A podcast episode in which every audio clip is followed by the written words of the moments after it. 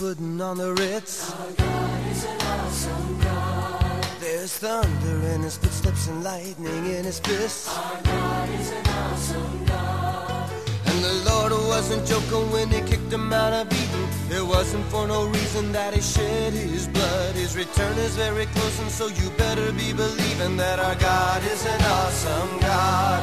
Our God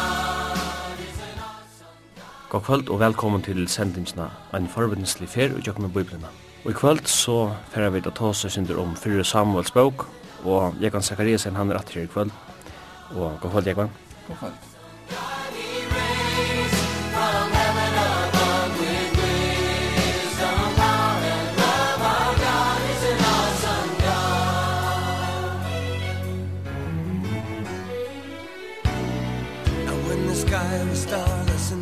light of the night. Our God is an awesome God. He spoke into the darkness and created the light. Our God is an awesome God. And judgment and wrath He poured out on Sodom. And mercy and grace He gave us at the cross. I hope that we have not too quickly forgotten That our God is an awesome God. Our God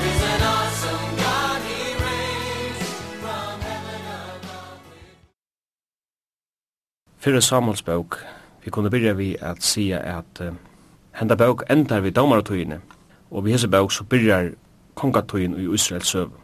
Bókjen omfattar tøyerskøy på omlai 100 år, til sia fra omlai 1100 fyrir Kristus til omlai 1000 Ein av de største personlighetene i bókjen er Samuel, som begge var domar og profeter.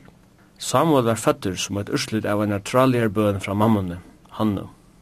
Samuel vaks opp i helgedamen og tøyen og han vaks opp i homasera trobel. Godstannaster og helgesir, det kordu sinna vanlige gongt, men vi sutja løyte til verilet andalit luiv, moralt forfall, som ei kjenti som mangt tøyerskøy i domartøyen, til nega som vi æsens sutja her. Men Samuel løyte fölkje atter til god.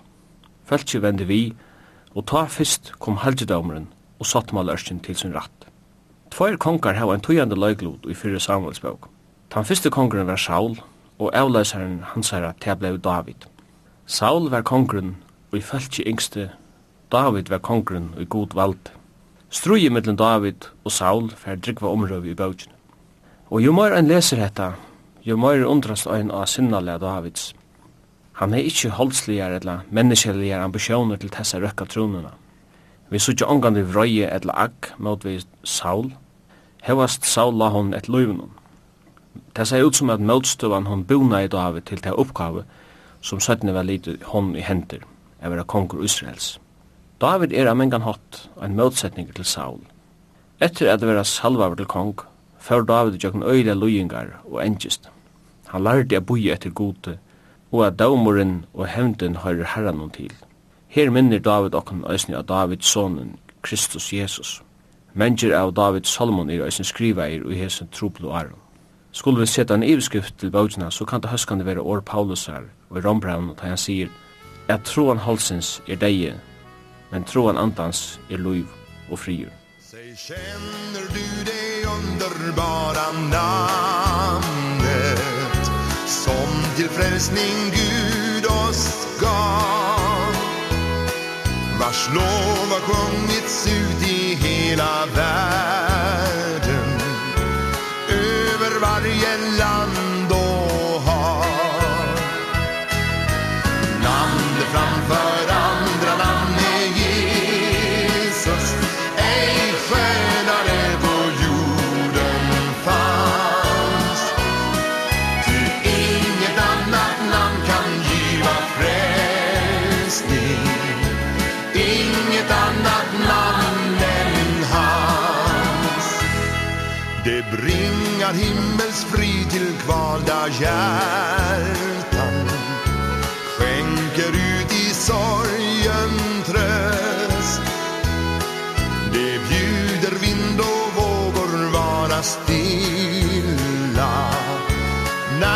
stormar i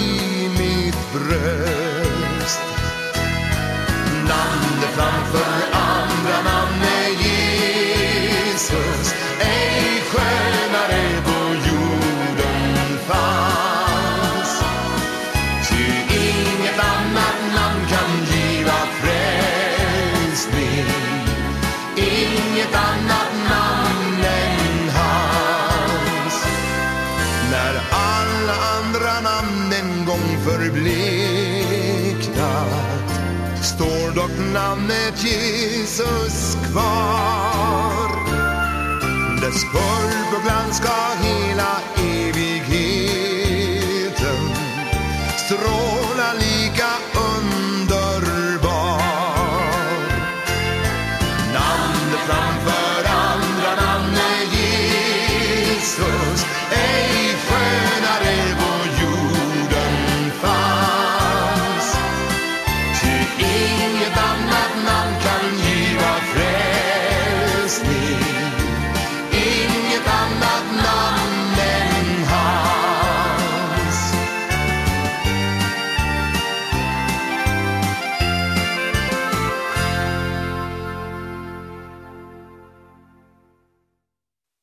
Hetta var så nekka av bakgrunden fyrir fyrir Samuels bók, og Jekman, jeg vet ikke om du hefur nekka at uh, letja treap?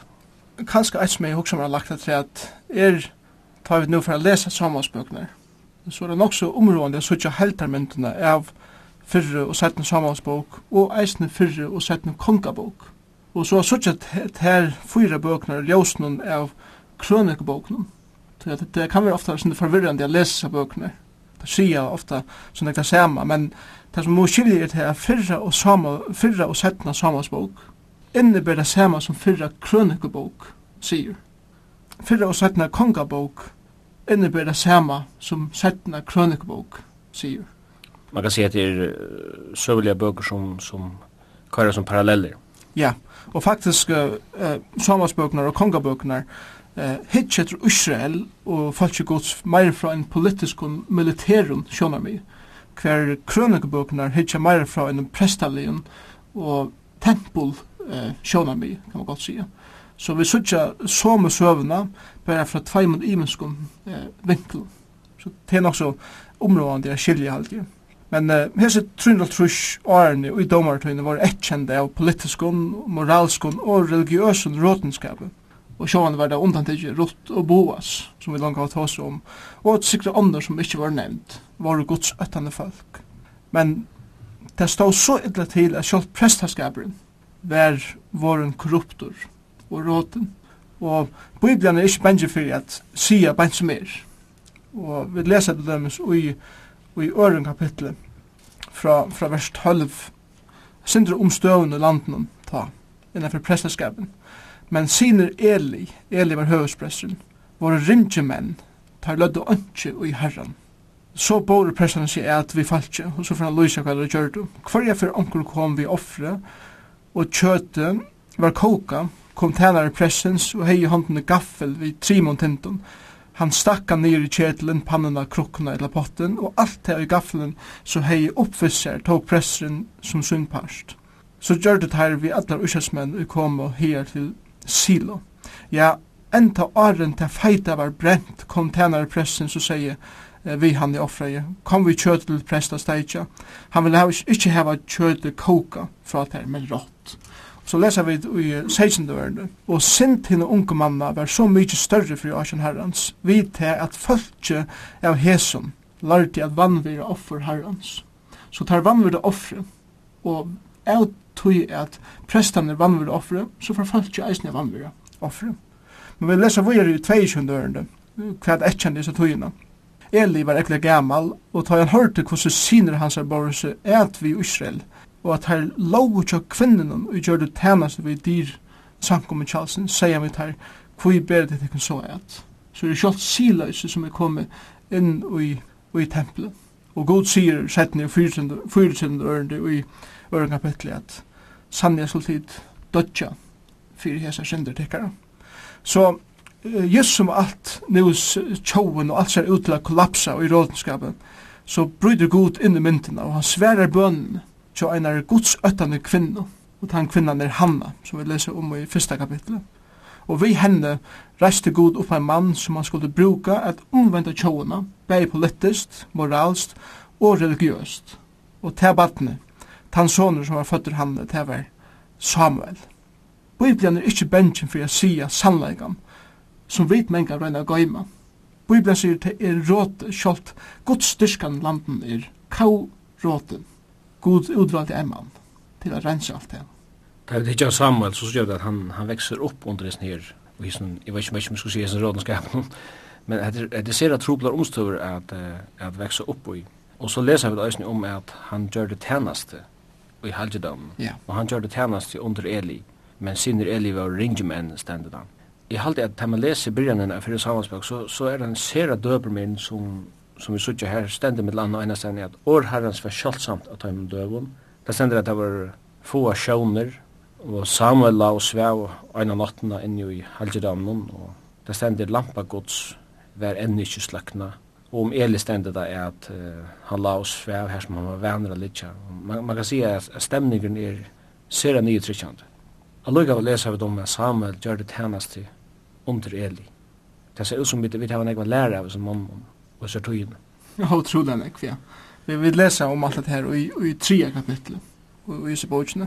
Och jag hade så fantastiskt att God har här utvalgt en, en liten dronk som er saman vi høvespresten, men han god veler å bruke hendan drøntjen til å gjøre nega særligt. Og det, det som anker pleier å si, at det teker ikke en nevnt at ombrøyda et land, eller en familie, eller en samkomme.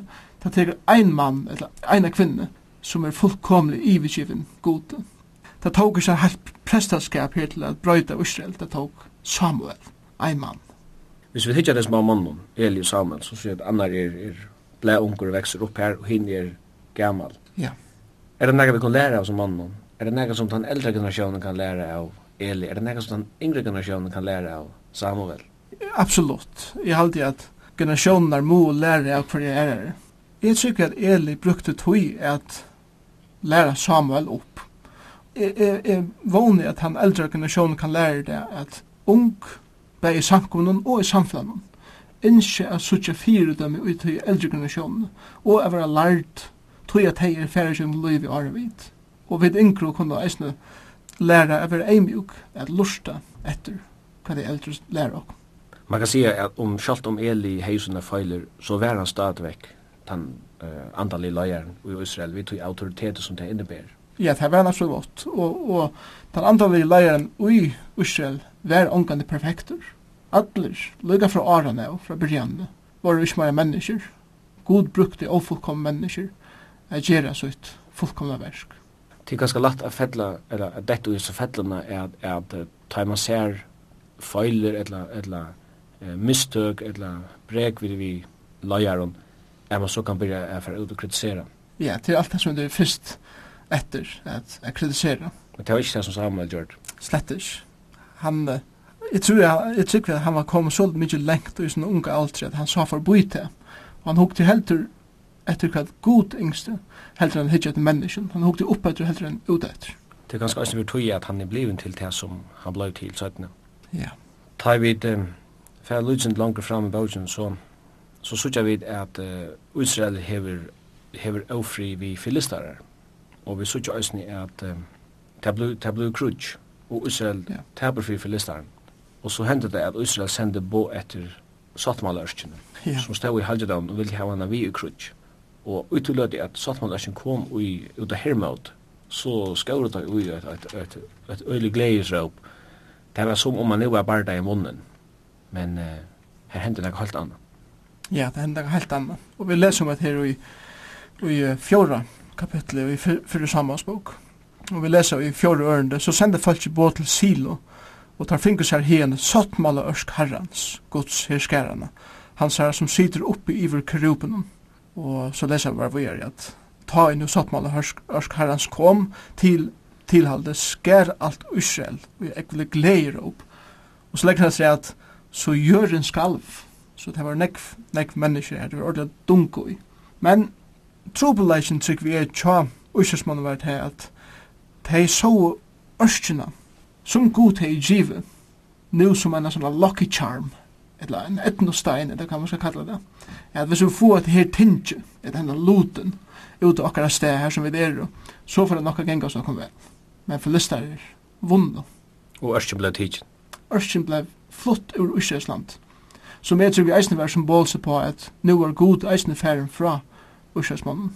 Men altså, Ørskjen var jo, var jo kalla fyrir en sottamala Ørsk. Ja. Yeah. Det vil si hun var et kjønnligt uh, tekjen på en sottemala i middelen av et folk og en avkjønnlig en god. Ja. Men det ser ut som at uh, folk ikke har flott substansen fra sin trygg, eller fyrir sin trygg, fra tog avkjønnliga, ivet til sjálvan luten. Nemlig. Jeg hadde det her som vi så mengan fettlo i. Jeg At vi vilje hava okkur skjønnligt, vi vilje hava okkur nema vi. Men hadde vi bare kunne hukt vi okkur at tro og reion, og at han er skjønnelig god, så, så har alt vært på plass. Ja, det minner meg kanskje om det som kanskje øyne for 17 før jeg kom inn på, at, at uh, Samuel bygde tempelet, men men 17 tar hjertet hans var driv borte fra god, da for han bytja offerhetsjer for høytene god her, bort i av Jerusalem, og, og ta igjen han har grublet og kjønnelig. Og det er kanskje en vant i sånn her, at, uh, at vi kunne lettelig komme ut ut til situasjonen, at, at vi trykker mer av halvgjøsir og venner kristendom enn vi trykker selv om god. Jeg som gjelder så avvers, jeg vi, vi er så hendelsen her, er til at Israel er ferdig i krutsk, og, og der er stadrøyene og avvisen sted, men der sender båt til Silo, ja, vi må få ørsene hertil. Og det som der faktisk gjør her, er til at det er så god, som en god som kan bare være ene sted i sen, sier du? Og vi, vi sted stedbinder god for å gjøre det. Og så helt det der at nu tar jo ørskene kommet ned, så er god eisene kommet ned, han var i sjåaren. Men til han fullkomna skrev mynd av god, god vær her vitt han alle tøyene. Men et som er aldri nok så eisne ironist, det er til at ta ut fær tjåur våre krutsk og hessen døven.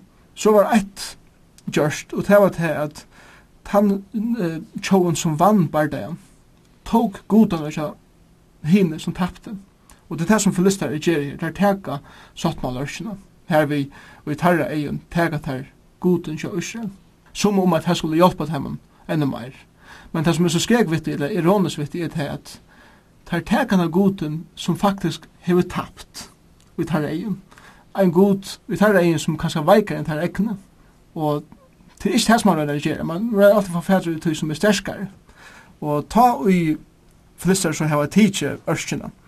Så kom det inn i femte kapittel, og her, her får jeg lese om uh, faktisk bardeien, den åskjønnelige bardeien, mittelen Herran, eller God, Jehova, og Dagon, det er goderen tja, er goderen tja, filisteren. Og vi leser jo den femte kapittel at Dagon, han er dotten og kall, og så ena for er brottnaur. Og så leser vi et eisne, i, i satta ørene i femte kapittel, at hånd herran slå tung i falkinum. Og han, han slå det ved svudlun og plavun og öllum møvlun som kom yfir deg.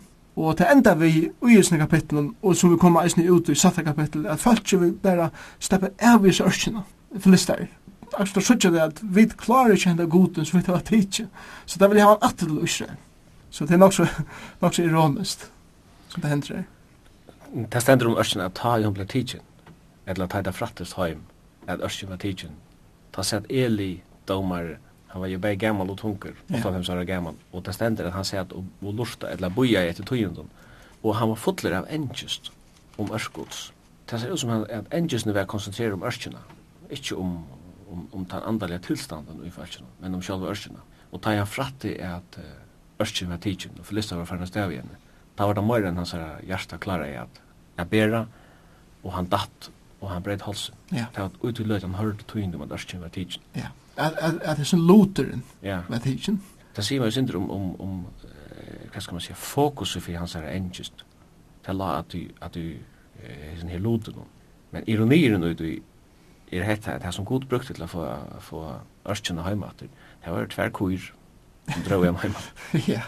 En annan som uh, er halde er, er, er, er, er, er, er, er, er, er, er, er, er akkurat det her at og i som samme bardem er det bare sinner hans er drypner og til ikke for han høyre tøyene om søttmaløsene at han detter og dør og til tøyene om at sinner hans er døyer til det virker ikke som til, til rørte han nega særligt. Og jeg held til at sier okna syndrom Eli som, som, en, som en papa som ikke hei kanskje ahua fullan full, full, ahua i sinne bøtnum og heldur ikkje, som vi leser i, ør, i øren kapitlet, at han har ikke kontroll av sin sånn, er til at her eh, førte slik han ålevna og, og siløse iver godstyrkan i landene. Men han gjør det omgang nega uthetslet og verlet vidt her.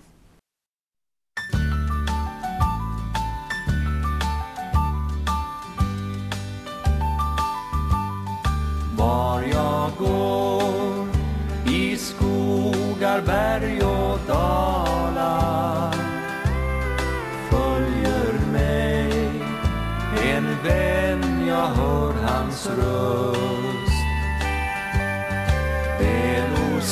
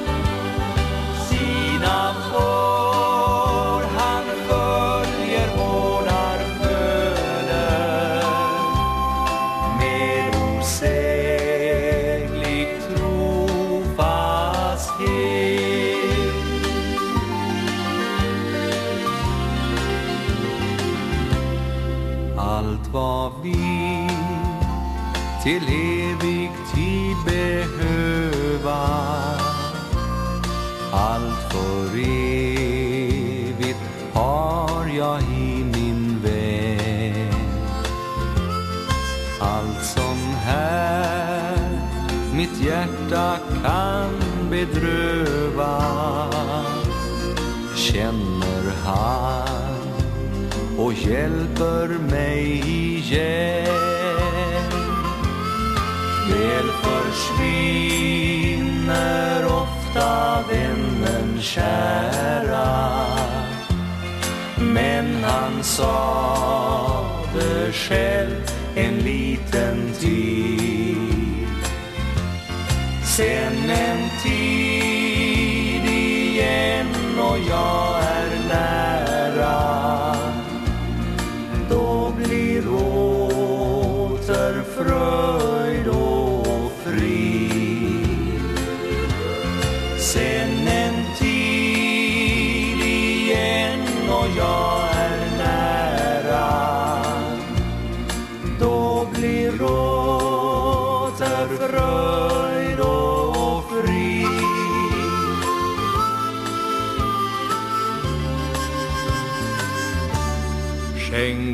mig O Jesus denna lycka Som fördriver otrons mörka kvar Korsets bild i hjärtat värde stryka Till besegling av mitt nådevar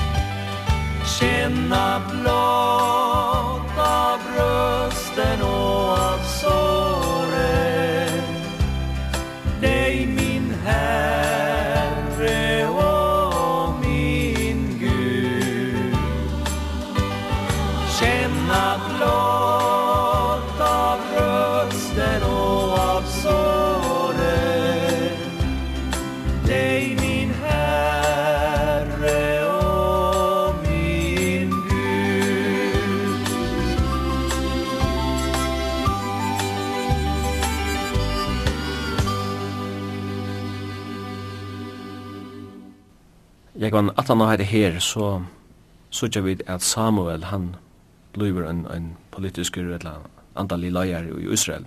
Ja. Men eh, Arne vi færre vi Samuel, så kunne jeg også mer at Tåse synder om mamma hans. Vi vet at det er at det stod en Maria at han for Jesus, og det var en Elisabeth som fødte Johannes döparen og det var en Eunikus som fødte Timotheus, og det var en Jokobet som fødte Moses. Og at han fyrir Samuel er også en mamma. Ja, og det var Hamma. Og hon var en, en framurskerande kvinna, eisne, som er, er, er trygg vi hei omedeliga averskan, og at han mannen som Samuel sættene bleiv. Men um, så, fyrir Samuels bok åpnar visen her at det var en, en med oss med at Elkana, som først år for den ene tempelet at offra eh, til god. Han er i tverkoner, og ånder var fruktbør, og hinn var ofruktbør og den avfruktbæra var Hanna. Og til området er skilja at ui an jødisk kultur ui hese tøyene, talte öld, fyrir krist, som ender det vi jötnen at om en kvinner avfruktbør, så er en under domegods til ein eller annan synd som er veri familjen i løyven som vi kommande, og tog hei god lade mor løyvi atter. Og hette det som hon lever i og heldur kanskje om seg sjálfana. Men uh, vi leser at hon er en bønarkvinna. Og hon, hon råpar til herran og i, og i neisøyne og, og i engesøyne. Og hon sier til dømes og i, og i etlenda ørende i første kapitlet. Og hon, til hanna, gjør det lyfte og sier vi herran, Herre god her skærande. Titlen er fantastisk, At han råpar Jehova Adonai. Og hon sier, vender du egen tøynen at tæna seg kvinna og tøyna. Så her så gjør det eimjukleika, ikke og i nei hennar og minnes meg og gleymer ikke tænast kvinne tøyna, men djever tænast kvinne tøyna son, så skal jeg djeva herren han, atla lus til hans herre, og rædjeknur skal ikke komme og høyt hans herre, så la spe hon lunge fri asjan herrans. Og vi vet at, at herren sværa i bønene, og det sørger vi det nøysen dør, at Kana kom konusen nær, og herren myntest Hanna. Nå, hebraisk året for Hanna, er Maie. Og ein kvinna som helst seg vera under dome gods, hon opplevde Maie gods. Og jeg halde til er så, så underfull, underfull mynd av hver god er at han, han viser menneskjen Maie, og som han enger i det. Og vi la oss her i etterløren at hun gjør det lyfte, og til lyfte helt henne mamman. At hun skulle djeva Samuel til herran, og til at hun får til Eli i tempelen og gav er i at jeg vekse opp her sammen med honom og i huset herrens. Vi sykja eisne at Hanna var en tilbyende kvinna. Annar kapittel, fyrre parsen, det første tutsi versene, er lovsonger Hanna, at han tilbyr herren. Så hette er en fantastisk mamma som er en bønner kvinna, hon er en som heldur lyftes ut, og hon er en tilbyende kvinna. Jeg er bare yngst at sagt det til alla mammor att halti och all bi för bötnum täckare. Så det kommer mynd av lövtarra og det kan komme ha en avvirskan av samfunnet, av familjerna og av samkomna. Vi leser om at Samuel, det første han gjør til er at han, han anvender folk om å vende vi. Det er ikke som Samuel er så opptidsen av uh, ta min idru loden som en sottmaler til halvdjedam. Nei. Han ber folk vende om til herran, og det stender øyne at han vende gjørst til herran, og han tjekka forbund for følgen ja. og han bærer sjøene fram offrene ritualene eller det som de åtte gjør sambar låna det hei fyrst hudning det hei fölkje stå i en røttens forhold til god akkurat og at han at her så vann Israel sier vi sykja uh, en tryfalda tema seg i, i livet kja Samuel han var domar det vet jeg vet eh, fra kjenda kapitlet vers 6 og eisen vers 15 eh, kan vi lese at Samuel var domar i Israel, så langt som han levde.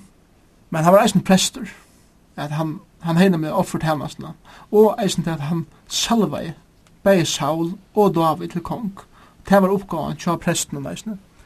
Og vi leser i 3. kapitlet at han var eisen profeter. Så han, han var en maver som dømte folk gods, og, og, og lyste rett med folk gods.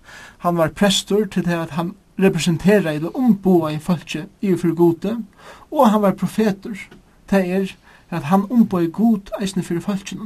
Så det er en veldig fantastisk tjeneste som, som Samuel heie. Og tænasen John er lust faktisk i kjenda kapitlet, en samadrotter av det som han gjør det, fra vers 15 til 16. Samuel var domar i Israel så langt som han levde. Av hverjen året ferie jeg sammen om, om landet, og dømte i Israel av öllum hessum støvum.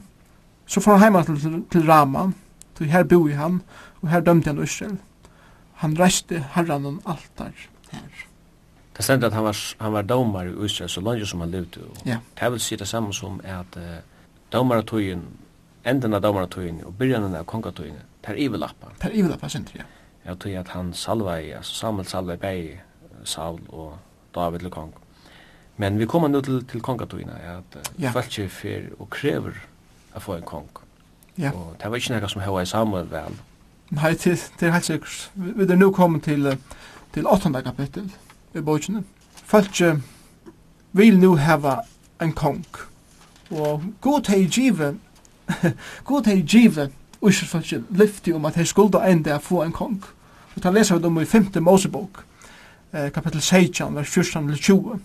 Men hetta krävles som det här her i 8. kapittel er, er, er skarft til tver grunder til det.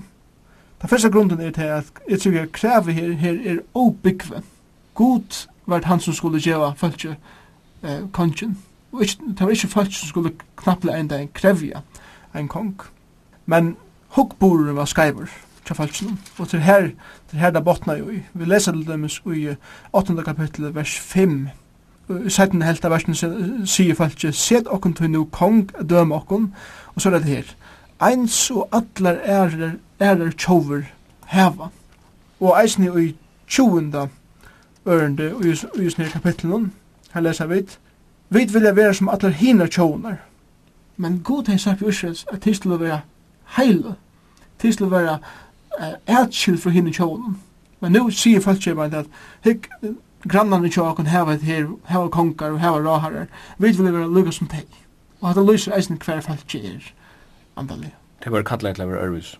Det var kallet til å være ørvis, men det ville være som, som hinne. Men eh, god sier så vi Samuel at det er ikke, det er ikke du som er vrekaver. Det er ja. som er vrekaver. Nemlig. Tan kongen som god hei lova eh, Israel, det var jo god sjolver åpenbæraver og i holdt. Messias. Ja. Ja så så gjør det här jeg vet ikke om jeg skulle sitte lögna at god gjør dem det som de som de inte ja. som de kräver. og så kan man kanskje si at det er god det er månader mellom det som god vil eller inte og det som han löver.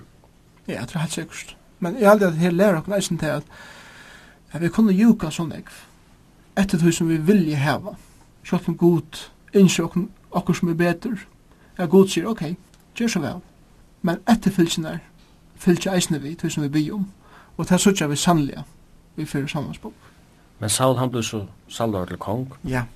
Vi sutja at uh, han var lydelig egnan egnan da jeg blei salvar til kong, og den første tøyen, han sa utleggenga vel. Helt sikkert, Saul hei en veldig byrjan, men en rævligan og syrkjeligan enda. Falki hukti etter hvordan han sa ut. Og vi leser i 19. kapitlet, øren øren det, at han var høtte, hakre enn av folk. Så han var vel vaksen. Han så godt ut. Og det var det som folk leita i etter. Og ta i, ta i Samuel hei salva Saul som kong, så var sjående oppgaven som kongen at færre krutsk, at bøyes mot tjånen som, som var tæra futsin der. Og han færre krutsk mot Ameritton i 11. kapittel, og han sikrar sin fyrsta sier som, som konger og, og det, det var nega helt fantastisk som, som er kjol som nu har finnst en konga. Et som lyser Saul så velhaldig og som sier hvor mever han var i byrjan er ui 11. kapittel vers 13. Eh, Saul sier, ui det skal anki vera drypen kvui, tui det hever herren giv Israel, sier. Så han byrja i hervi, som du sier, at han var lytel i sin vekneien, og han sa herran ståran, og gjør det herran ståran. Så spyrja i Saul.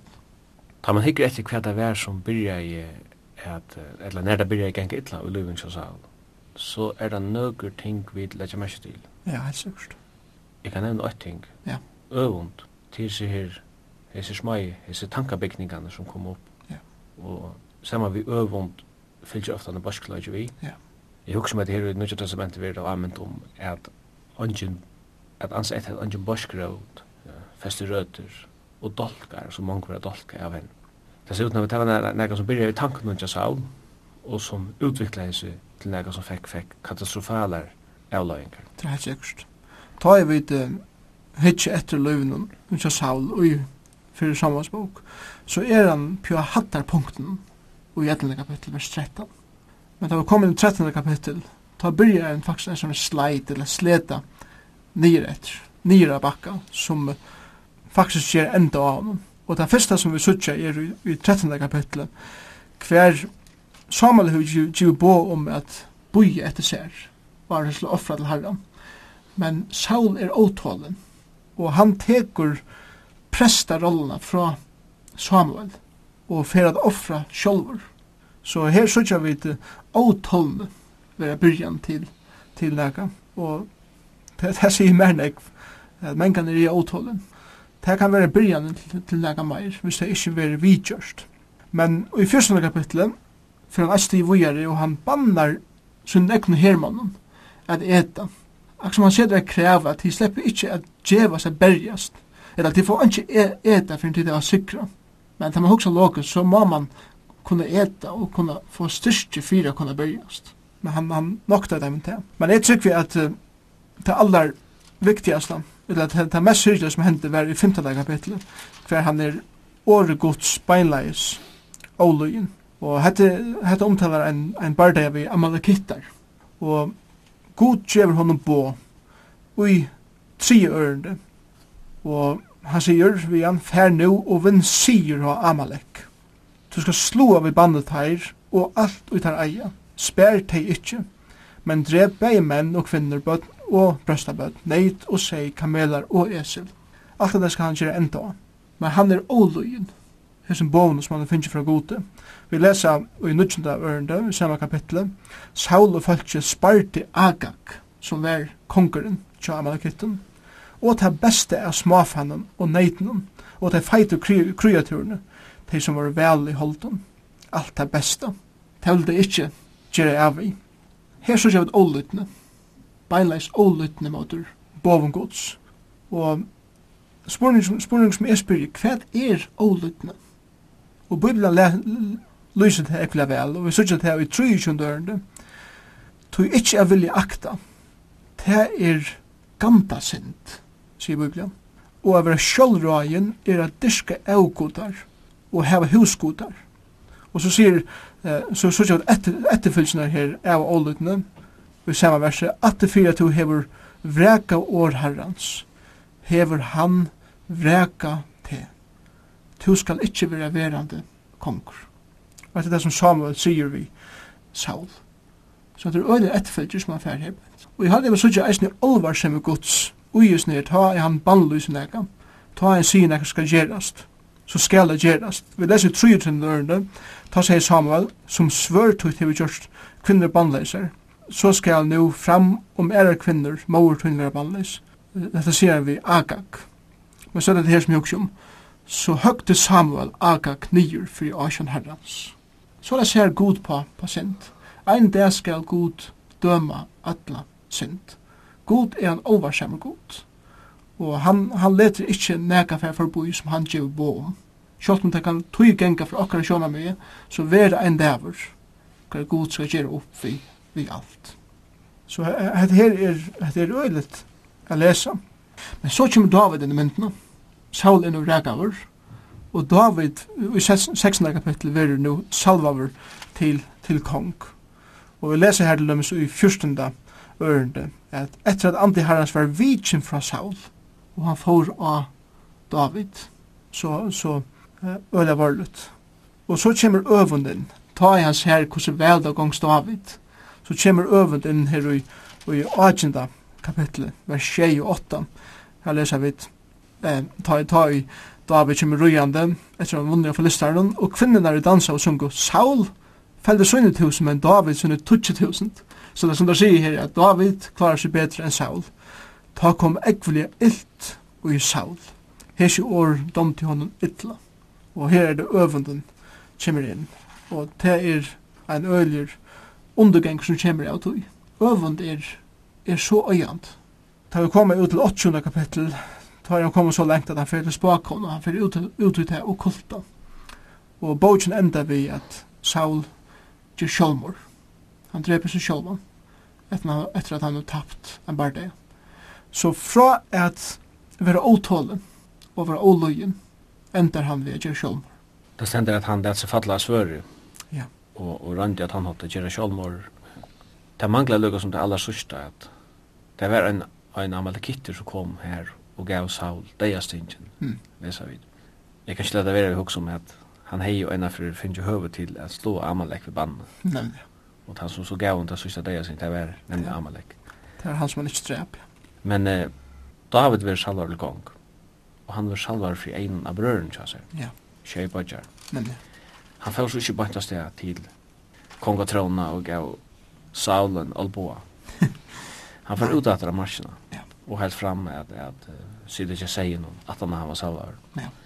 Det ser ut som at her, her er en helt annen prosess som fyrir gong, samanbor vi kongadømmet til Saul. Helt sikkert. Som sier, Saul hei eina goa byrjan og ein rævlan enda. David hei eina ringa byrjan, men ein fantastisk han enda. Så, så til det som, til han kontrasten som vi sutja i, i Saul og i David. Samuel får leite etter en nutjum kanji, og han fer til Bethlehem. Og han, han leiter etter hessen bætjennom, men god sier at angen av teimen er, er han, som jeg har valgt. Og han spyr så i seg om, om, det, om det manglar nekker. Og så sier jeg forresten, jeg har en sånn leisen som sier det ikke seien, som var kanskje til laksta som en kunne gjøre eh, ta i tøyene. Og ta ui han som kommer, ta viser det, viser det seg, heter han som god har valgt seg.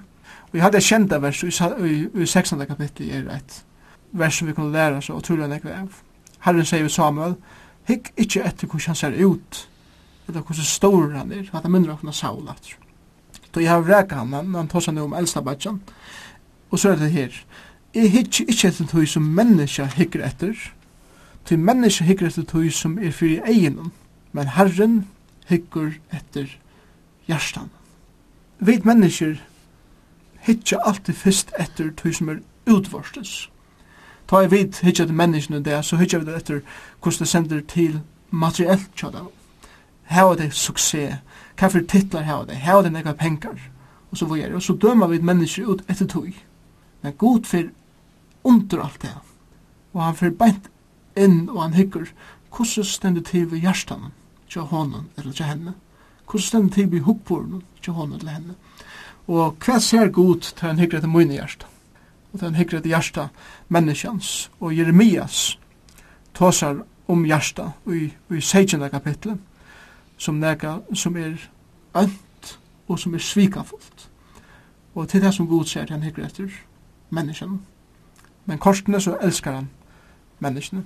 Så vi kan lære ekna nekv av oss her. Jeg vet ikke hikker etter som utverses, men vi hikker etter som god hikker etter hjertan. David, han var salvar vel kong i kapittel 16. Ja. I kapittel 16 her har vi en heimskjenta hekjesøve til David og Goliat. Ja. Og i kapittel 18 her er David ferder og tjeneste til Saul. Ja. Men eh, i kapittel 19 så gjør vi at Saul hever sett seg fire at, at få David av venen. Han vil, ja. han, han får religion et løvn og til. Her byrjar kan man säga här den her färden til David han sier ena stedene at, at han blev han blev jaktstarver som en äker Ja. Ja.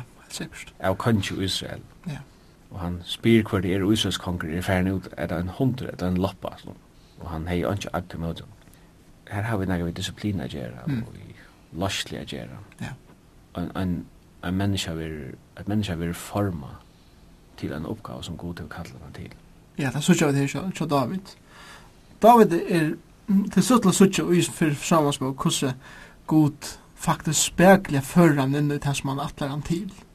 Saul lujer av storen trobeleikon, at han er ongan fri, og, og tænaren sjån sier vi han at hvis du lust etter tonleik, det er for å gjøre det til for å kvila, det er for å gjøre det fri. Og så sier kanskje en tænare som sier kjenner fyrir okni at Saul ligger sannsyn pura sækur, og en tænare sier, jeg kjenner en muskare, eller en tonleikare, og jeg kan få fætri hon, han spelar harspe forresten. David sier du ikke sier noen i Bethlehem, og fer på å komme i konkhus til at konger hever ikke fri. Og her er herfyrir han spela fyrir. Setni i, her i 16. kapitlet sier papen eh, vi David David eh, bachan og tjóðar er barda vi flistar i gjødana sin sindra møte og David kommer her og han ser hvordan Ísraelsmenn renner undan Goliath og, og David er den første jeg sier hvor er det her som spottar maun gods og han sier jeg skal færa bergjast Og her kommer atter samband vi Saul, som han har hitt Arden. Og han sier her vi Saul, Saul, jeg skal færa at bergjast fire, fire Ursels menn.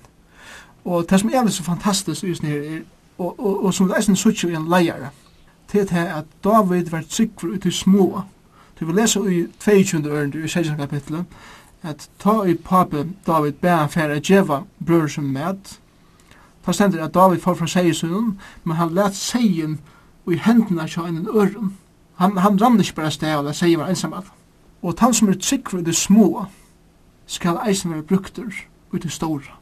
Og det var det som hendte her, David sikra i av Goliath, og bjerga i såis Israel undan futsinna svin. David, han kom så tjena og hyr kongsins, men eh, det var lukka som byrja brenna under honom, og han hei en, en vin, og i Kongaborgsen, det var eldste soner Saul, Jonathan. Jonathan, ja. Det var han som var kronprinser kan man säga. Mm -hmm. Men Jonathan stände det att Jonathan älskar David som sin egen sal. Ja. Och Jonathan sa i sin tid att David var salvarlig gong. Man skulle tro att det var rivaler. det er som man tror, ja. At det var i verlagan hjertaviner. Och jag hade att her suttjar vi reinan og inneligan vinskap en Jonathan själv om han visste god hej valgt David. Han han han valgte at elska David. Og själv om pape, eh, pappa Jonathan Saul heta i David så valgte han at elska han. Det som er alldeles fantastisk vi, vi sin vinarlän er det at ønske kom inn i midten akkar vinarle. Lugga mykje som ser utrunde om akkon, så er vi hjärsta viner. Og, og til er min på verlig vinskap. Vi såg ju där en en försköttning längt att han är Saul och Jonathan är där David som kongerspyr är det nägar som jag kan Ja. Visa miskun av hus og sauls for Jonathan skuld. Det er så söva om med Fibosef som det er så en halvdan søva. Men eh, vi sykja til at David har vi nu fyrir fjakka, han blir fjakkar og han fyrast rundt av fjallun Israels. Tver fyrir han møvdag til at drepa Saul. Ja.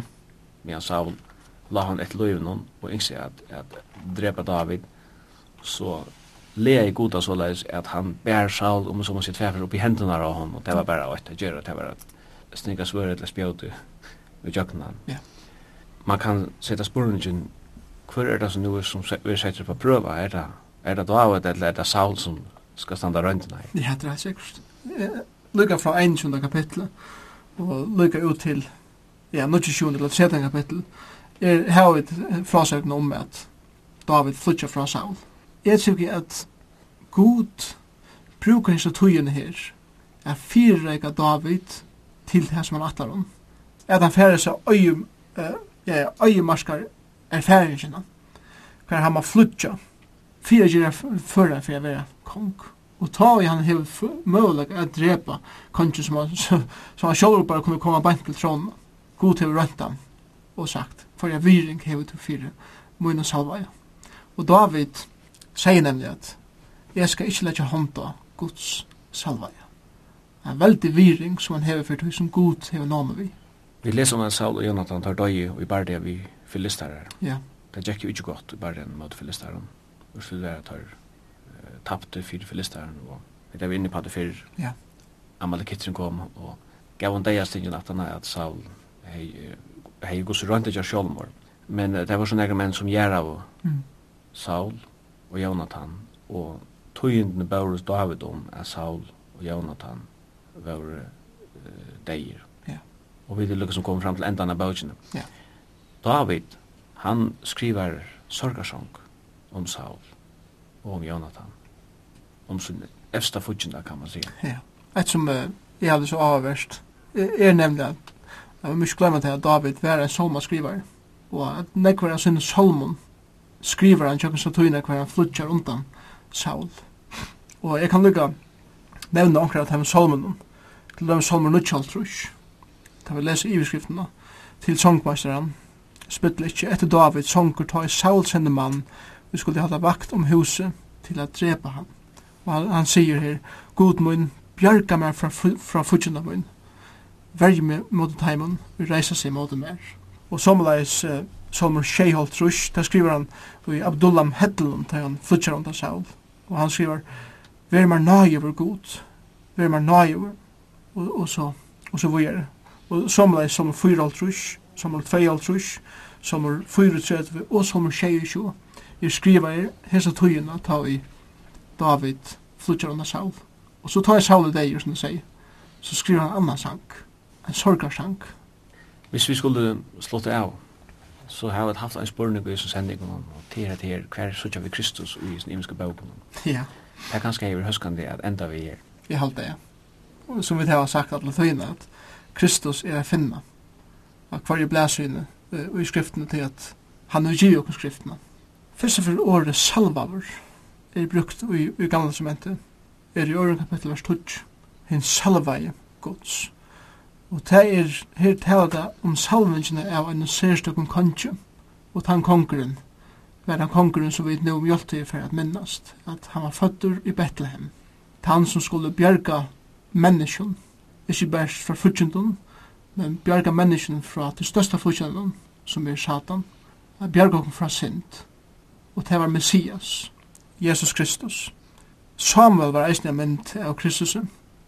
Samuel var født i en tog hver alt vær myrst og vonlist. men han frelste tjåene.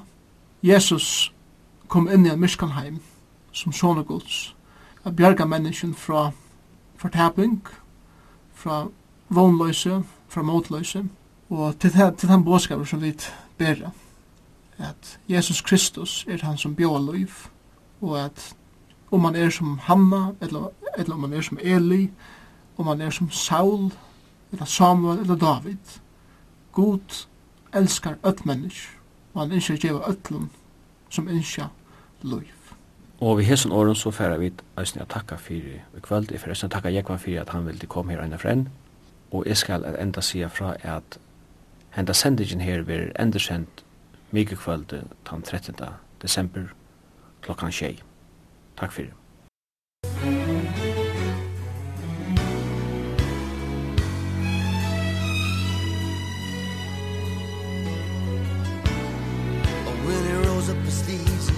putting on the Ritz. Our God is an awesome God. There's thunder in his footsteps and lightning in his fists. Our God is an awesome God.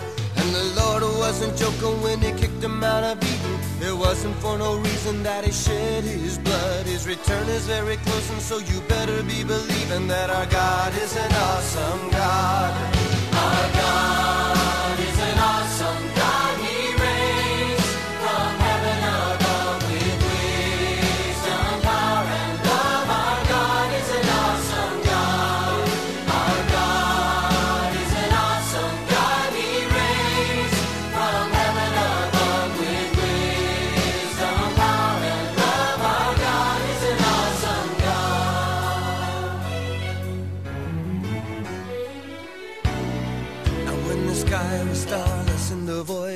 night. Our God is an awesome God He spoke into the darkness and created the light. Our God is an awesome God and Judgment and wrath He poured out on Sodom. And mercy and grace He gave us at the cross. I hope that we have not too quickly forgotten That our God is an awesome God. Our God.